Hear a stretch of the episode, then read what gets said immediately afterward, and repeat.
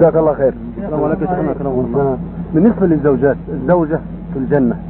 هل تحشر مع زوجها أو تدخل مع زوجها الجنة أم يكون لها حل أو موقف آخر؟ الله اعلم والله خير. لو وعد بالجنه والله اعلم نعم قد تطلع زوج هذا وقد تطلع زوجا اخر الله اعلم في حديث في ضعف نعم انه اذا كان لها ازواج تخير نعم تختار احسنهم خلقا لكن مثل الازواج